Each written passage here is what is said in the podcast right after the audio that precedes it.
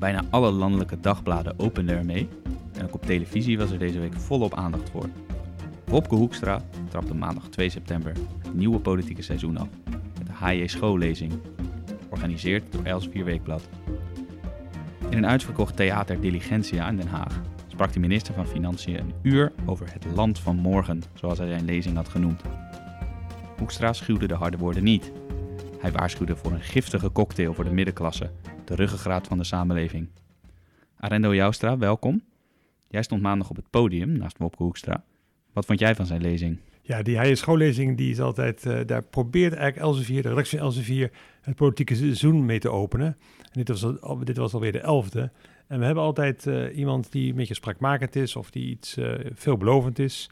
En, en dat was dit keer ook het geval, want de hij schoollezing, de elfde van Wopke Hoekstra, was al weken geleden uitverkocht. En het zegt ook iets over zijn populariteit, maar ook over de hoge verwachtingen die hij wekt, of blijkbaar weet te wekken. En uh, de zaal zat vol, uh, goede spanning. En nou, precies zoals we het willen. De opening van het politieke seizoen met een spraakmakend spreker. Ja, de verwachtingen waren hoog gespannen. bij jou neem ik aan ook. Zijn die waargemaakt? Nou, ik, ik krijg de tekst altijd van, van tevoren, dus dan weet ik het. En hij hield een mooi verhaal eigenlijk, moet ik zeggen, over wederkerigheid. Dat begrip staat een beetje tegenover solidariteit. En solidariteit is altijd een beetje, een beetje dat heel beetje linkse kringen.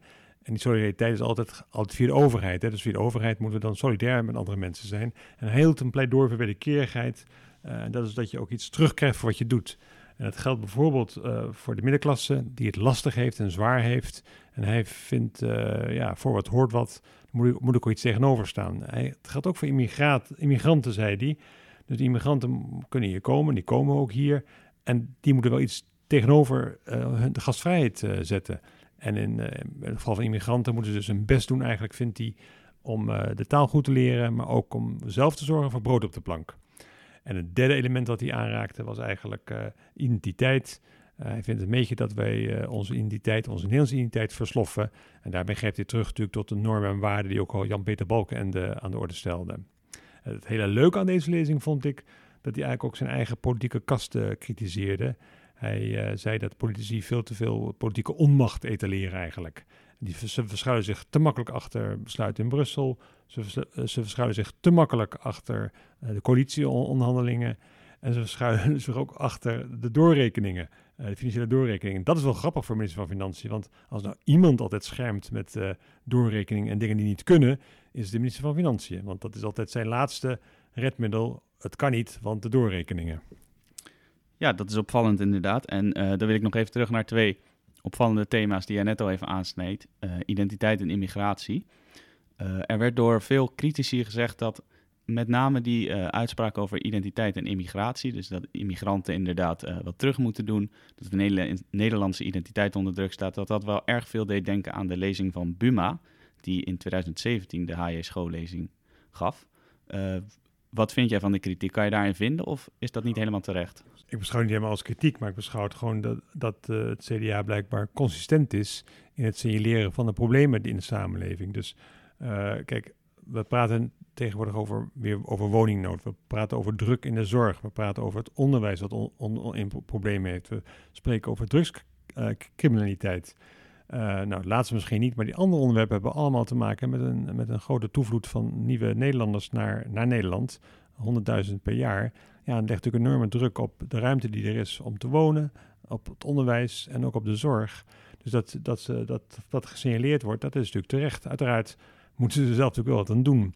Uh, het grappige natuurlijk wel is dat, dat uh, Bob Hoekstra met deze lezing zo uh, brede thema's aanpakte, dat hij zich daarmee ook wel positioneert voor het leiderschap van het CDA. Dat wordt ook al, dat wordt iedereen ook wel gezegd. Het, is een beetje Ja. de, het gaat een beetje tussen Wopke Hoekstra en Hugo de Jonge. En met deze lezing, die breed was opgezet, niet het typische verhaal van, van de minister van Financiën, zou je kunnen zeggen dat hij vast voorsorteert op de strijd die eh, na eh, de komende zomer losbreekt tussen, over het leiderschap van het CDA. Ja, precies. Want eh, in de commentaren in verschillende kranten eh, was te lezen dat het een rechtsconservatief verhaal zou zijn van Wopke Hoekstra. En dat zou dan weer eigenlijk de tegenhanger zijn van het wat linkse verhaal van Hugo de Jonge. Daar, daar schreef Gerry van der List onlangs ook nog een stuk over op onze site. Denk jij dat dat correct getypeerd is, die tegenstelling? ja, als je iemand als rechtsconservatief typeert, dan dat, dat is een beetje welke positie je zelf inneemt. Dus je, vindt iemand rechtsconservatief als je zelf aan de linkerkant daarvan is. Iemand die echt rechtsconservatief uh, staat, die zal misschien het verhaal van Bob Hoekstra misschien een beetje in het midden positioneren of misschien zelfs wat links. Uh, dus dat is met waar je zelf staat. En dat moet maar, het zou mooi zijn als het CDA inderdaad niet zozeer een strijd heeft, uh, om, maar goed, dat moet het CDA zelf weten. Maar het zou mooi zijn als, als het CDA niet zozeer een strijd heeft over persoonlijkheden, maar als de achterstrijd om het lijsttrekkerschap inderdaad gaat over de inhoud.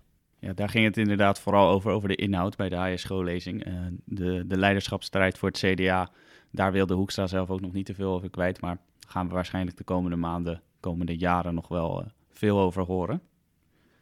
Uh, dan nog even terug naar de HJ schoollezing. Want er zijn natuurlijk altijd mensen die dat gemist hebben. En die hem graag nog eens zouden willen oh, ja. terugluisteren of lezen. Dat is een goed punt. we geven die tekst altijd in een boekvorm uit. En ook nu is weer een boekje verschenen met de tekst van de lezing. het land van morgen naar een nieuw maatschappelijk evenwicht. En die is via onze webshop site te koop voor 9,95. waarin de hele tekst staat, maar ook nog eigenlijk zijn voetnoten die hij bij de tekst heeft geplaatst, die hij uiteraard niet heeft uitgesproken bij de lezing. En volgens mij zijn ook nog, een, zijn ook nog de andere HS schoollezingen te kopen op dezelfde webshop, in dezelfde webshop. Dat klopt inderdaad. En uh, als u nou het precieze adres van de webshop wilt weten, dat is shop.elsevierweekblad.nl. Maar u kunt natuurlijk ook naar onze reguliere website www.elsevierweekblad.nl surfen en dan vindt u daar vanzelf de link. Nou, dan hebben wij natuurlijk nog een volgend evenement. Uh, Elsevier Weekblad houdt regelmatig uh, grote evenementen met belangrijke sprekers, vaak uit de politiek.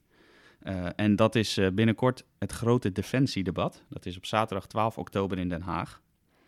Een van de sprekers daar is minister van Defensie Anke Bijleveld. Zij gaat spreken over de toekomst van onze krijgsmacht. Andere sprekers zijn onder andere de Amerikaanse ambassadeur Piet Hoekstra. Maar ook Tweede Kamerleden zullen aanwezig zijn voor een paneldiscussie dat zijn onder andere Sadet Karabulut van de SP en Forum voor Democratie-leider Thierry Baudet. En kaarten daarvoor kunt u bestellen op events.onebusiness.nl. Heb jij daar misschien nog iets over te vertellen, Arendo, over het defensiedebat? Nou ja, wie er ook komt is uh, de voormalige secretaris-generaal van de NAVO, Jaap Doop Scheffer. Natuurlijk een belangrijke spreker, want die heeft uh, echt aan de knoppen gezeten in, Brussel. En uh, weer een maand later, op 12 november, hebben we alweer een mooie bijeenkomst met Pieter Elbers, de baas, de president-directeur van KLM, die de tweede EW-economielezing houdt van Elsevier. En daarin geven leiders van bedrijven, economen hun visie op de samenleving vanuit een economisch perspectief. Dat is dan 12 november in Amsterdam in de Rode Hoed. U luisterde naar onze podcastserie Non Solus met hoofdredacteur Arendo Joustra. En wilt u zich nou abonneren op deze podcast of op onze andere podcastserie? Ga dan naar elsevierweekblad.nl slash podcast. Meer opinies en commentaren, waaronder natuurlijk de non-solus waar deze podcast over gaat, vindt u op elsevierweekblad.nl slash opinie. Mijn naam is Matthijs van Schie en ik dank u hartelijk voor het luisteren naar deze podcast van Elsevier Weekblad.